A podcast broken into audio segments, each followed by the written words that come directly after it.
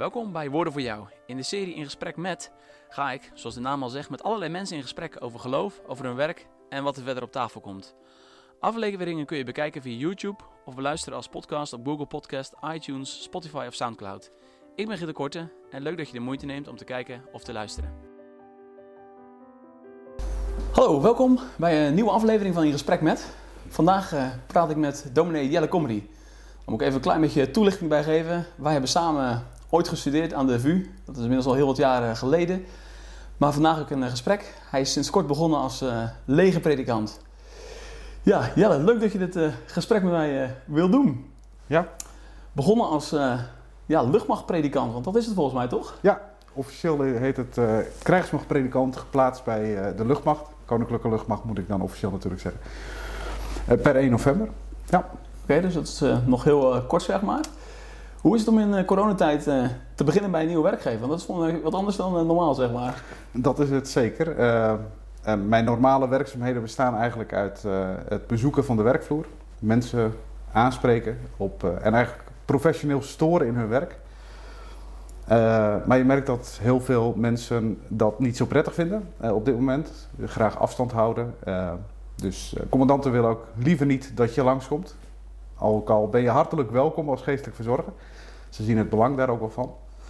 Uh, maar uh, op dit moment word je toch een beetje op afstand gehouden. Plus het feit natuurlijk dat heel veel mensen ook gewoon thuis werken. Dus dat is gewoon lastiger om dan uh, die mensen te bezoeken. En ja, dan is het wel lastig om erin te komen. Want ja, in een gemeente, om dat maar te vergelijken, daar ben je als vanzelfsprekend dominee.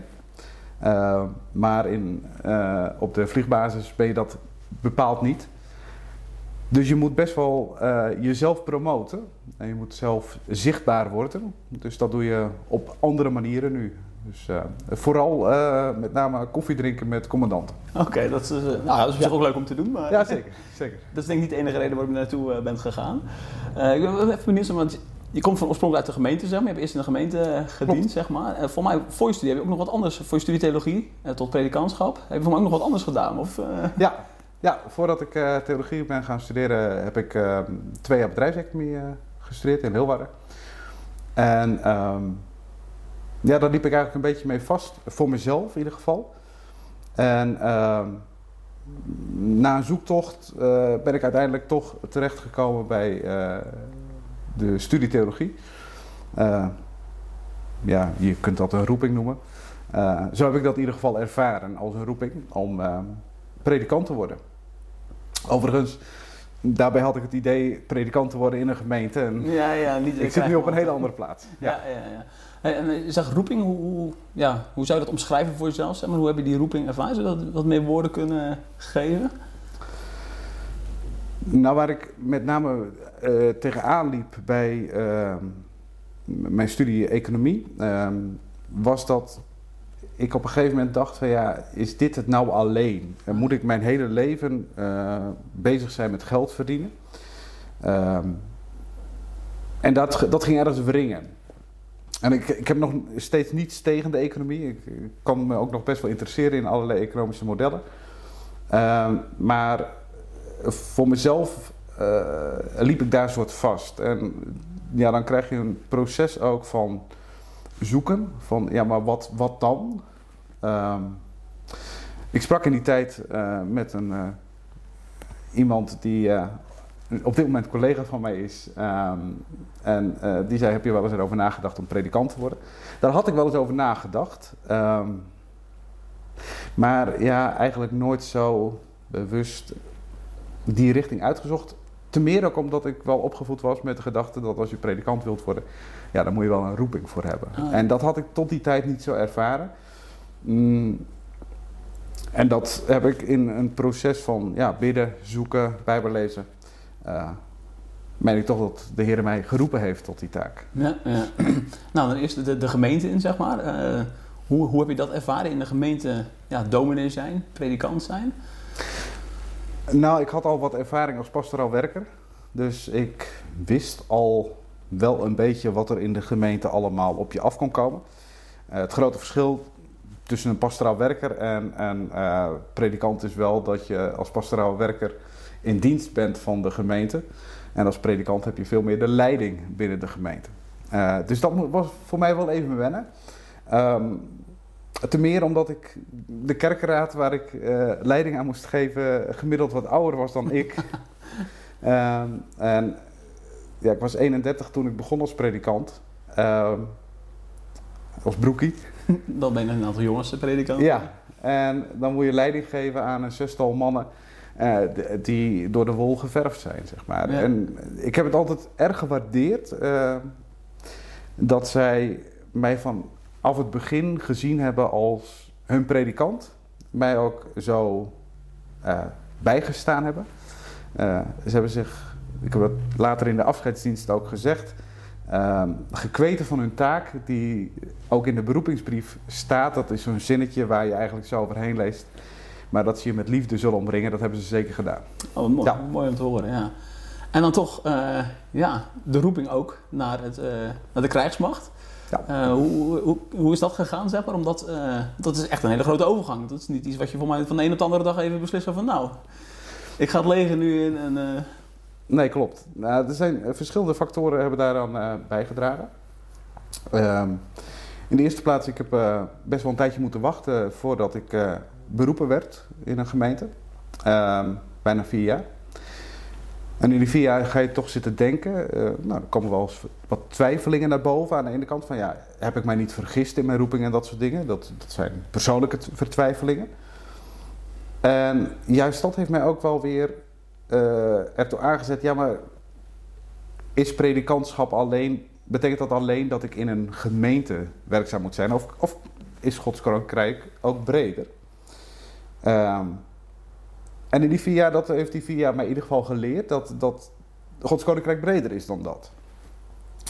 Um, dat had met name ook te maken met het feit dat ik uh, nog vrijwilliger ben bij Gevangenenzorg Nederland. Uh, dus ik kom er met enige regelmaat in de baaiers. Mm -hmm. um, en heb daar ook het werk gezien van justitiepredikanten. Dus ik denk, oh, dat is dus ook iets wat uh, ja, kan helpen, zeg maar. Of waar ik dienstbaar kan zijn. Dat is één ding. Mm. Uh, het tweede was contact wat ik op een gegeven moment kreeg met militairen. Ehm, een aantal militairen heb ik gesproken. En die mij toch wel een beetje gestimuleerd hebben van ja, ja we hebben hier ook predikanten nodig. Um, juist ook uit de Griffmiddag Gezinten. Dat missen we eigenlijk wel. Um, een derde aspect uh, is een gesprek wat ik toen een keer gehad heb want, met dominee van Duivenbode. Die um, nou, toen ook bij de luchtmacht zat. Um, en er stond toen een advertentie in de krant voor krijgsmachtpredikanten. Mm -hmm. Dus een gesprek met hem gehad van ja, wat is dat nou en uh, kan ik solliciteren? Nou, men wil graag bij de krijgsmacht uh, uh, toch dat een uh, predikant in ieder geval minimaal een gemeente heeft gehad voordat hij bij hen werkzaam uh, wordt. Ehm, dus die sollicitatie is toen afgewezen. Maar het is wel altijd in mijn achterhoofd blijven zitten. Ah, ja. Ja. En ook dat breder denken dan alleen de kerk, dienstbaar zijn in de kerk. Um, en in november 2019, moet ik zeggen, ja, uh, stond in het Reformatorisch Dagblad de advertentie voor uh, krijgsmachtpredikant. Dus dat is de tweede keer dan, als ik het goed uh, Ja, dat was de tweede ja, keer. Ja. En ja, dat voelde eigenlijk als een beroep. Dat is heel apart. ik kan dat ook eigenlijk niet echt uitleggen, zeg maar, wat, wat er dan door je heen gaat. Ik wist ook niet wat het betekent om een beroep naar een andere gemeente te krijgen. Nee, dat was de eerste gemeente nog. Maar ik heb toen wel tegen een collega gezegd, ja, zo voelt dat op dat moment wel. Toen ik hem vertelde dat ik daar toch wel mee, wat mee worstelde. Um, en ik heb um, toen na wat gesprekken ook met uh, mensen die uh, dicht bij me staan, uh, heb ik uiteindelijk de sollicitatiebrief verstuurd. Want je gaat actief solliciteren. Mm -hmm. um, en heb ik die verstuurd, ook met het gebed, heren als dit de weg is, uh, laat dan de weg geopend worden, laat dan deuren open gaan. Als dit niet de weg is, laat alsjeblieft het afgebroken worden. En zo ben ik het sollicitatieproces ingegaan. Uh, en uh, ja, ik moet zeggen, het is nog wel redelijk beproefd ook. Want dat hele sollicitatietraject, dat duurt bijna een jaar. Ja, dus dat is echt wel een flinke tijd dat je dan uh, ja, mee bezig bent in je hoofd, maar dat het dan niet... Uh... Inderdaad. Ja. Uh, ik moest bijvoorbeeld op een gegeven moment, na het tweede gesprek, hoorde ik bij de negen kandidaten met wie ze door wilden gaan. Maar er waren maar acht vacatures. En ik was nummer negen. Oh, ja. Dus toen heeft het een tijdje geduurd voordat ze ehm, mij belden en zeiden: Ja, er is één uitgevallen, heb je alsnog interesse? Ja, die had ik. En het hele grappige was dat uh, ze belden op een dinsdagmorgen. En zaterdag had ik nog een gesprek met iemand gehad. Uh, die wist dat ik had gesolliciteerd. En die zei, ja, denk je er nog wel eens aan? Of is mm -hmm. het gewoon een beetje weggegaan? Ik zei, het is nog iets wat me elke dag bezighoudt. En elk onbekend nummer wat gaat, denk ik, het zal toch ja. niet het telefoontje zijn. Ja. Je hart sneller kloppen. Ja. ja. Dus het, ook in dat sollicitatieproces is het voortdurend meegegaan. En heb ik gemerkt dat de Heer eh, deuren geopend heeft. En dat, ja, dat uh, heb ik uh, als zeer bijzonder ervaren. Ja, nou. ja. ja, en zeker als het zo spannend is, zeg maar, dan is het natuurlijk inderdaad wel. Uh, ja. Je, je, zei net, en dat, dat viel me wel even op, van weinig predikanten vanuit de gereformeerde gezinten, dus vanuit zeg maar, de orthodoxe kerken. waarom zou dat zijn? Waarom zijn die er zo weinig? Nou, ik denk dat dat, dat verschillende factoren zijn. In de eerste plaats, nou, in mijn kerkverband, uh, en ik denk meer kerkverbanden in de, in de achterban van de gereformeerde gezin, is predikanten nood, tekort. Mm, zijn er nog altijd gemeenten waar, waar, waar predikanten kunnen beroepen worden. Uh, en waar de vacatures niet vervuld worden. En dus de blik naar de wereld is wat minder, snel dan als predikant. Mm -hmm. Want je ziet de nood binnen de eigen uh, gemeente. Uh, een tweede aspect is denk ik ook wel, een tweede reden moet ik zeggen, is ook wel dat de defensie nou niet bepaald uh, goed bekend staat in, in, in onze achterban. In die zin dat het vaak gezien wordt als een ruwe wereld. Ja, ja de, wat, wat niet direct heel prettig is om als christen in nee, te verkeren. Nee. Nee. je wordt daar niet geaccepteerd omdat je een zwart pak draagt. Maar, Klopt. Ja, dat is natuurlijk in die zin wel een ruige wereld. Ja. Um, maar dat is toch ook juist een hele mooie plek, denk ik, om daar predikant te zijn en daar ook juist nou ja, je vroeg zo net even naar, naar, naar roeping, zeg maar, waarom uh, krijgsmacht predikant. Ik, ik geloof dat uh, de kerk, uh, en dan spreek ik iets breder dan alleen de hetzelfde van de kerk, maar gewoon de kerk in haar algemeenheid. De kerk heeft een woord voor de wereld. En um, wat mij bijzonder aansprak in het, tijdens het sollicitatieproces wat, was het lezen van een boek van Bonheuven. zijn collegereeks over de kerk. En hij zei: De kerk die dient daar te zijn waar het erop spant. Nou, waar het schuurt. Ja, En de kerk die mag zich niet terugtrekken in een soort warm nest waarin zij zich veilig waant. Uh, en zo ervaar ik dat ook. de kerk moet daar zijn, daar, daar waar het schuurt. En nou, bij Defensie schuurt het. Ja, Want je staat echt met beide benen in de modder.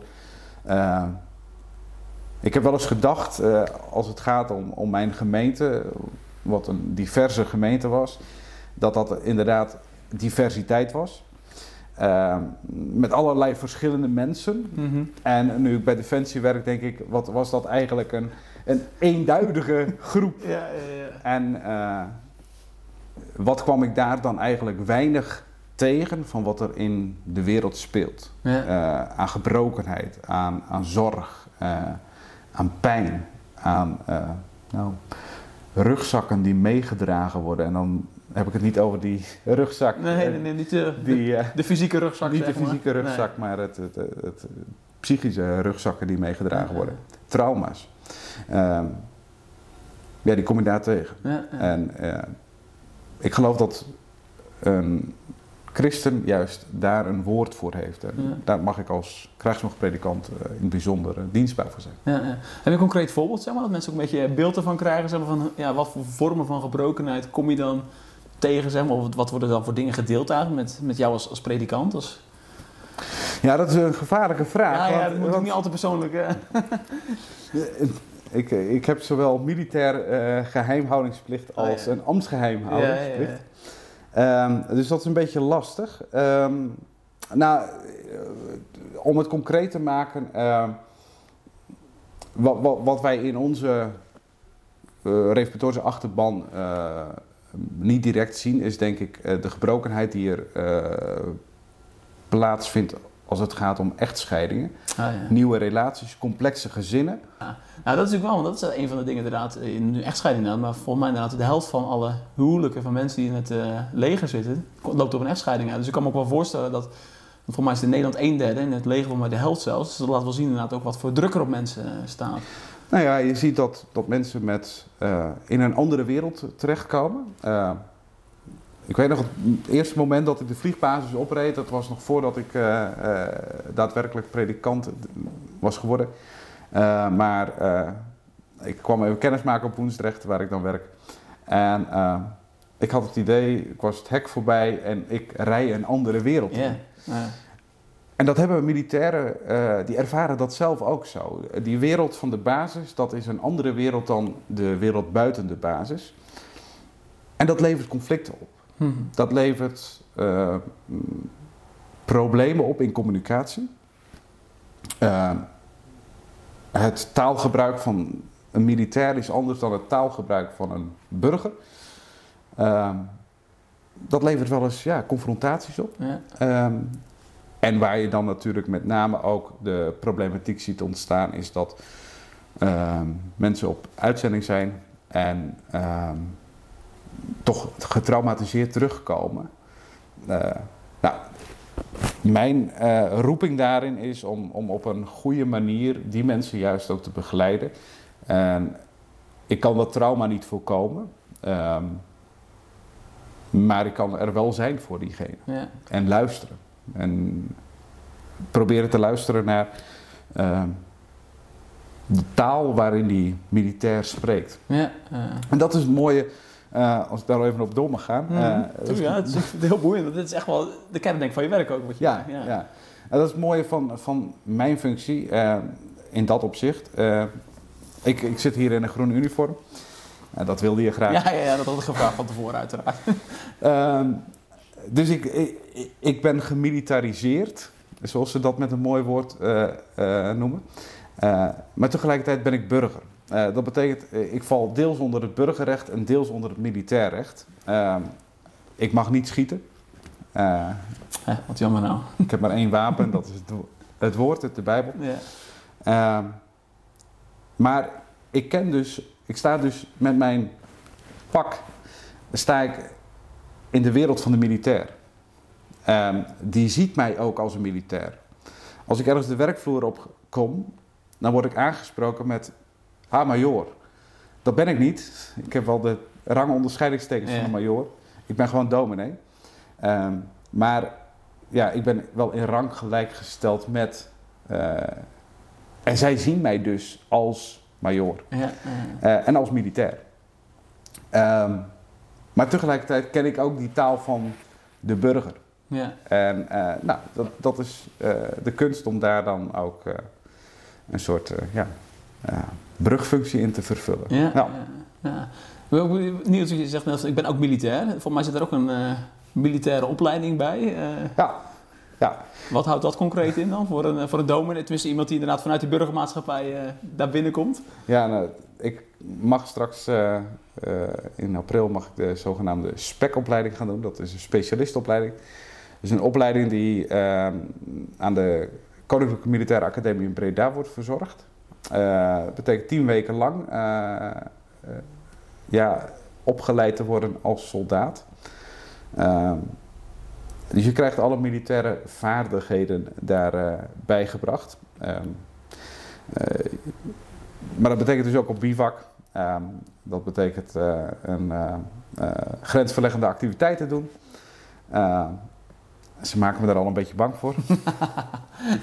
Eh, maar eh, dat, dat is eigenlijk in tien weken leer je wat betekent het om soldaat te worden. Ehm, en wat betekent het om soldaat te zijn. Ehm, en gehoorzaamheid, eh, een stukje nederigheid. Ook een belangrijke ja, ja, ja, voor alle predikanten. Ja, dat is sowieso, ja. En om dienstbaar te zijn aan de groep, de groepsvorming. En die, die opleiding die is vooral ook bedoeld dat wij als specialisten, en in het bijzonder dan de predikanten, eh, weten wat, wat, wat betekent het om militair te worden. Dus om even datzelfde proces door te maken. Ja, ja. Eh, maar ja, dat betekent wel fysiek eh, ook wat inspanning inderdaad. Trainen, Ja. met een rugzak oplopen volgens mij. En, Ja, hardlopen, ochtendgymnastiek, ehm, eh, stormbaan, hindernisbaan, eh, in een tentje slapen op de hei en dat soort dingen. Ja. Kijk, nou, dat klinkt in ieder geval als een, eh, een flinke uitdaging. Ook al hard aan trainen dan nu waarschijnlijk. eh. ja, ik ben wat aan het trainen inderdaad, om in ieder geval enigszins voorbereid te zijn. ja, ja. Maar in principe is het natuurlijk wel zo, het verschil is, ik denk met een normale militair dat hij wel dat ook moet halen. En dat dat misschien voor de specialisten dan wat minder zwaar is. Of is het juist ook wel de kunst om jullie ook wel flink eventjes... het is niet minder zwaar eh, dan, eh, dan de gewone militaire opleiding. Ehm, de eerlijkheid gebiedt mij wel te zeggen dat de geestelijke verzorgers uitgezonderd zijn van het verplicht moeten halen van deze opleiding. maar, daar moet ik direct iets achteraan zeggen. Eh, mijn broertje zit bij de landmacht. Ehm, die heeft zijn algemene militaire opleiding eh, gehaald. En ik kan het natuurlijk voor hem niet Ah, maken kijk. dat ik niet over die eindstreep kom. nee, nee, nee, dus er zit toch wel een klein beetje eergevoel. eh. Er zit ingevoel bij, ja. ja. In alle nederigheid natuurlijk. Ja, ja, ja, ja, maar dat is, dat is natuurlijk wel het mooie. Ik vind het zelf altijd. Ik wilde zelf ook vroeger altijd het leger in. En, eh, ik heb er zelfs ooit ook nog gesolliciteerd, maar niet aangenomen. Nou, misschien ook maar goed geweest. Maar dat, vond ik, dat vind ik nog steeds. Als Zodra ik het zie, zeg maar, zodra ik een uniform zie. en zeker als ik wil dan zelfs de Corps Mariniers. Eh, maar als ik dan inderdaad dat uniform zie, ja, maar dat, dan gaat mijn hart sneller kloppen, zeg maar. En dat, nou, ik denk dat het ook wel wat veel mensen ook wel aanspreekt in, eh, ja, in de krijgsmacht. En, eh, ja. Ja, nee, kijk, het, ik had het zo net even over dat, dat in onze achterban Defensie toch een beetje wordt gezien als een ruwe wereld. En tegelijkertijd merk je ook wel inderdaad dat, dat ja, toch interessant, er komt iemand in uniform aan, baret op, een militair. Eh, ja, dat vinden ze dan wel toch ook wel weer interessant, zeg maar. Ja, ja. ja. Ja, en een stukje gezag. Ik denk dat, dat mensen dat ook wel, wel mooi vinden, zeg maar. Een stukje eh, discipline, samen ergens voor gaan. De samenhorigheid denk ik ook in, bij Defensie heel groot. Ja, eh, sterke hiërarchie en een heel sterk ons kent ons. Ah ja, dus als je bij Defensie hoort, dan hoor je er ook helemaal bij. ja. Ja. In de praktijk valt dat dan natuurlijk nog wel tegen, maar dat is wel Ja, de beeldvorming die, Van buiten. Ja. Ja. Ja. het is ook daar niet perfect, zo simpel is het ook niet. nee, inderdaad. Ik ben nog even benieuwd, want eh, je noemde net al even de, de geestelijke verzorgers. Ja. Eh, er is natuurlijk een heel breed scala van mensen daar volgens mij waar je mee samenwerkt. Eh, hoe, hoe, ziet dat er, hoe ziet dat eruit? Nou, op Woensdrecht zelf eh, eh, werk ik samen met twee predikanten en een humanistische raadsvrouw. Ehm, de predikanten, de ene is van de Griffmiddenbond. Eh goed, die is op dit moment even op uitzending. Ehm, en de ander eh, is van de Griffmiddenkerk vrijgemaakt. Eh, dus dat is al een verscheidenheid aan kerken. Eh, maar een verscheidenheid aan kerken waarin je nog steeds eh, dezelfde Bijbel deelt. En hetzelfde geloof in God en in Jezus Christus. Maar dat ligt natuurlijk ten opzichte van de humanistische raadsvrouw ligt dat anders. Eh, maar er, ja, voor de overheid is er een soort gelijkwaardigheid. Eh, niet een soort gelijkwaardigheid, is gewoon gelijkwaardigheid, moet ik zeggen. Eh, waarbij elke religie of levensovertuiging als gelijk wordt gezien. Op, vanuit die basis werk je ook. Ehm, en respecteer je elkaar. Ehm, en je ziet dan dat onderling de taken wel worden verdeeld. Ah, ja. Het kan bijvoorbeeld gebeuren, eh, we hebben de, de basis een beetje verdeeld. Dus de een doet dit, de ander doet dat en zo. Maar stel daarvoor, eh, ik ben eh, bijvoorbeeld geestelijk verzorger ook van de brandweer. Dat er bij de brandweer iemand zit en die zegt, ja, ik heb niks met dat geloof. En moet ik met een dominee gaan praten? Wat heeft dat allemaal? Nou, dat zie ik niet zo direct zitten. Mhm. Dan kan ik hem bijvoorbeeld doorverwijzen naar mijn humanistisch collega. Ah, ja. En dat die betere gesprekken. En omgekeerd gebeurt dat dus ook. Ja, eh, Ja. Nou, dat is natuurlijk wel het mooie natuurlijk, als je natuurlijk inderdaad zo'n breed palet eigenlijk van mensen hebt, dat je inderdaad ook ja, ehm, mensen ook door kan verwijzen inderdaad. Ja, Eh, ja. ja. En kijk, je- kijk de, een heel deel van de gesprekken die ik voer, eh, die hebben in, zo op het eerste gezicht, als je erbij zou zitten, nog niet eens zoveel met geloof te maken. Eh, dat is niet het geloofsgesprek zoals je dat bijvoorbeeld op huisbezoek bent gewend Nee. als je in de kerk werkt. Ehm, eh, de problematiek soms, eh, relatieproblemen, eh, soms problemen met de commandant. Die mensen komen ook bij ons. Ah, ja. Ja. Niet dat wij dat direct kunnen oplossen, maar we kunnen wel meedenken en luisterend oor bieden. En dat vind ik overigens wel een, zonder dat dat misschien direct als geloofsgesprek bestempeld kan worden, vind ik dat wel een heel wezenlijk onderdeel van wat het christelijk geloof ook te bieden heeft. Ehm, en waar een christen toe geroepen is om, om daar te luisteren en te horen en werkelijk een luisterend oor te zijn en een, eh, helpende hand. Ehm, dus dat, op die manier ehm, vind ik dat alles toch met geloof te maken te hebben. En natuurlijk zijn er ook de gesprekken, die heb ik ook gevoerd inmiddels, met mensen die eh, met hele geloofsspecifieke vragen Mhm. zitten, die daar eens over door willen spreken. Ehm, en ja, die zullen dan eerder bij een dominee uitkomen dan bij een humanistische raadsvrouw. Eh, Ja, je, bent major als, eh als krijgsmachtpredikant. Ehm, heeft dat nog invloed zeg maar, op je relatie met mensen die geen major zijn, zeg maar, die een lagere rang hebben? Want dat, dat verschil lijkt me ook nog best wel groot, zeg maar. Hoe, hoe ga je daar in de praktijk mee om? Ja, voor de helderheid, ik ben in rang gelijkgesteld met major. Eh, dus eh, dat betekent dat ik geen officiële major ben. Ik zit niet in de bevelstructuur.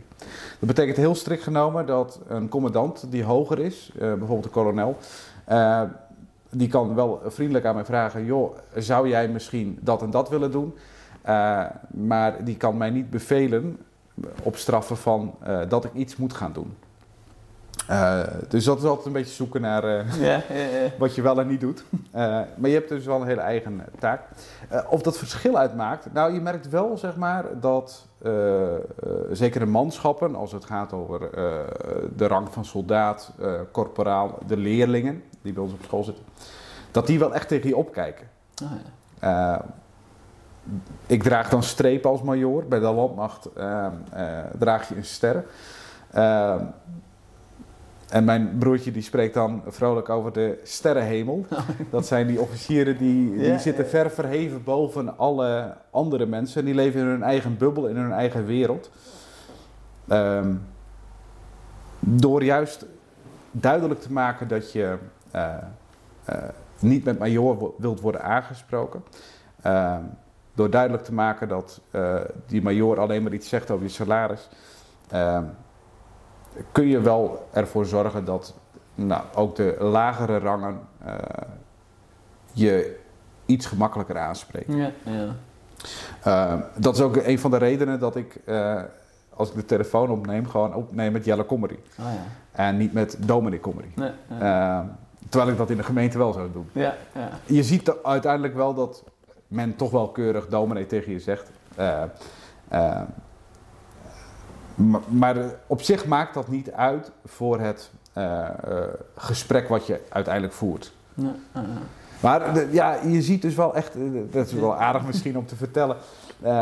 Dat was een van, een, van de eerste weken dat ik aan het werk was. Ik was gebeld door iemand, corporaal.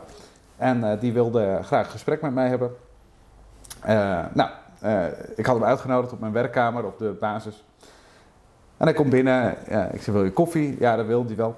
En hij bleef wat dralen in mijn kamer. En ik snapte dat niet helemaal. Ik denk, ja, nou ja, goed, als jij wil blijven staan, vind ik ook best. Dus ik koffie zet, ondertussen wat met hem praten. En eh, uiteindelijk had ik koffie gezet. En ik ga zitten. En op dat moment gaat hij ook zitten. Ah, ja. En ik denk, oh, dit is, was voor mij even een Ja, realisatiemomentje van...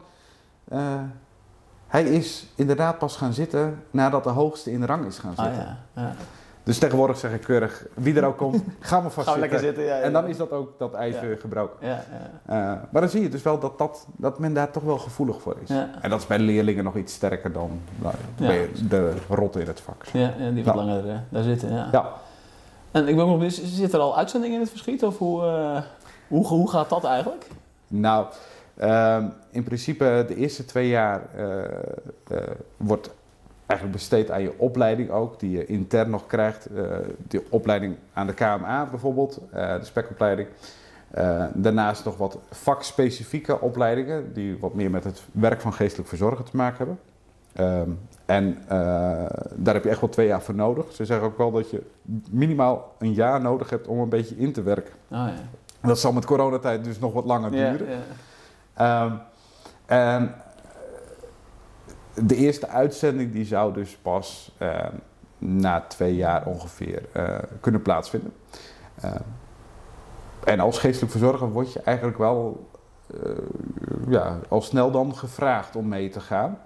En dat heeft er ook mee te maken dat net als bij die spekopleiding, dat je weet wat het betekent om een militaire opleiding te krijgen, dat je ook weet wat het betekent om op missie te zijn ja. geweest. Overigens kan ik altijd zeggen van nou ja, dat, met deze missie wil ik niet mee, maar eh, ja, uiteindelijk, zoals ik er nu in sta, eh, kijk ik daar eigenlijk ook wel naar uit om Ja, een keer mee te gaan Ja. op, op missie. Inderdaad. Ja. Ja. Want dat is natuurlijk eigenlijk waar, waar je het ook voor doet, zeg maar. Want ja, je hebt, ik kan me voorstellen dat je een soort van gelijkwaardigheid ook met ja, die jongens die allemaal weg geweest zijn en die eh, allemaal ervaringen meegemaakt hebben. Dat geeft ook een hele specifieke eh, ja, bagage die je zelf dan ook weer kan gebruiken. In je, Ja, klopt. Ehm, plus het feit dat op missies er nog een, een ander aspect van je werk nadrukkelijker naar voren komt. En dat zijn de vieringen. ah ja. Ehm, en nu werk ik eigenlijk als een ambtenaar. eh, van maandag tot vrijdag. En eh, in principe kan ik vrijdag de telefoon uitzetten.